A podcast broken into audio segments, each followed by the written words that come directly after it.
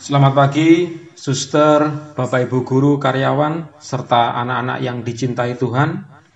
Mari kita menyiapkan hati dan pikiran untuk mengawali kegiatan pagi ini dengan berdoa dan mendengarkan firman Tuhan.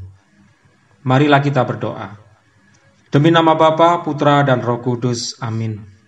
Allah Bapa yang Maha Kuasa, ucap syukur kami haturkan kepadamu atas segala berkat penyertaan-Mu dalam kehidupan kami, sehingga pada kesempatan pagi ini kami dapat berjumpa kembali dalam kegiatan pembelajaran.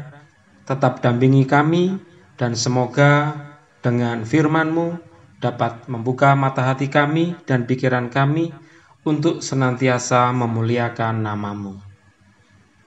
Inilah Injil suci menurut Matius. Dimuliakanlah Tuhan. Yesus berkata kepada murid-muridnya, "Apabila Anak Manusia datang dalam kemuliaan dan semua malaikat datang bersama-sama dengan Dia, maka Ia akan bersemayam di atas tatah kemuliaannya.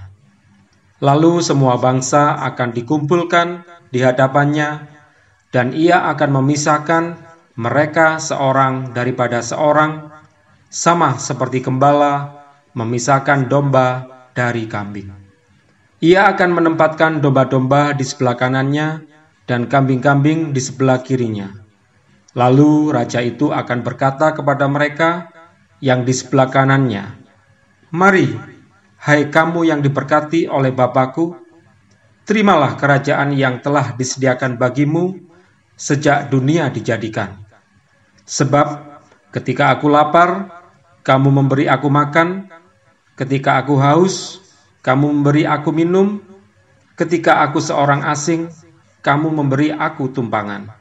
Ketika aku telanjang, kamu memberi aku pakaian. Ketika aku sakit, kamu melawat aku.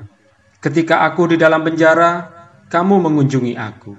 Maka orang-orang benar itu akan bertanya kepadanya, "Tuhan, bila manakah kami melihat Engkau lapar dan kami memberi Engkau makan, atau haus, dan kami memberi engkau minum. Bila manakah kami melihat engkau sebagai orang asing, dan kami memberi engkau tumpangan atau telanjang, dan kami memberi engkau pakaian. Bila manakah kami melihat engkau sakit atau dalam penjara, dan kami mengunjungi engkau, maka raja itu pun menjawab mereka, Aku berkata kepadamu, Sesungguhnya segala sesuatu yang kamu lakukan untuk salah seorang dari saudaraku yang paling hina ini, kamu telah melakukannya untuk aku. Dan ia akan berkata juga kepada mereka yang di sebelah kirinya, Enyalah dari hadapanku, hai kamu orang-orang terkutuk, enyalah ke dalam api yang kekal, yang telah disediakan untuk iblis dan malaikat-malaikatnya. Sebab ketika aku lapar, kamu tidak memberi aku makan. Ketika aku haus, kamu tidak memberi aku minum. Ketika aku orang asing, kamu tidak memberi aku tumpangan. Ketika aku telanjang, kamu tidak memberi aku pakaian. Ketika aku sakit dan dalam penjara, kamu tidak melawat aku. Lalu mereka pun akan bertanya kepadanya, Tuhan, bila manakah kami melihat engkau lapar atau haus dan sebagai orang asing atau telanjang atau sakit atau dalam penjara dan kami tidak melayani engkau, maka ia akan menjawab mereka, Aku berkata kepadamu, sesungguhnya segala sesuatu yang tidak kamu lakukan untuk salah seorang dari saudaraku yang paling hina ini, kamu tidak melakukan juga untuk aku.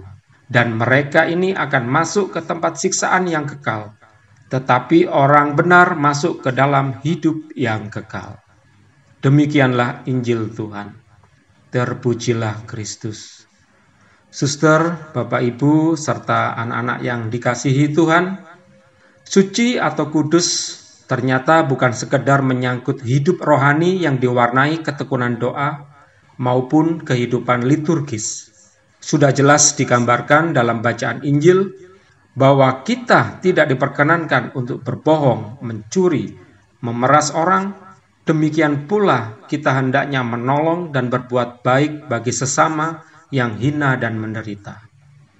Marilah kita berdoa.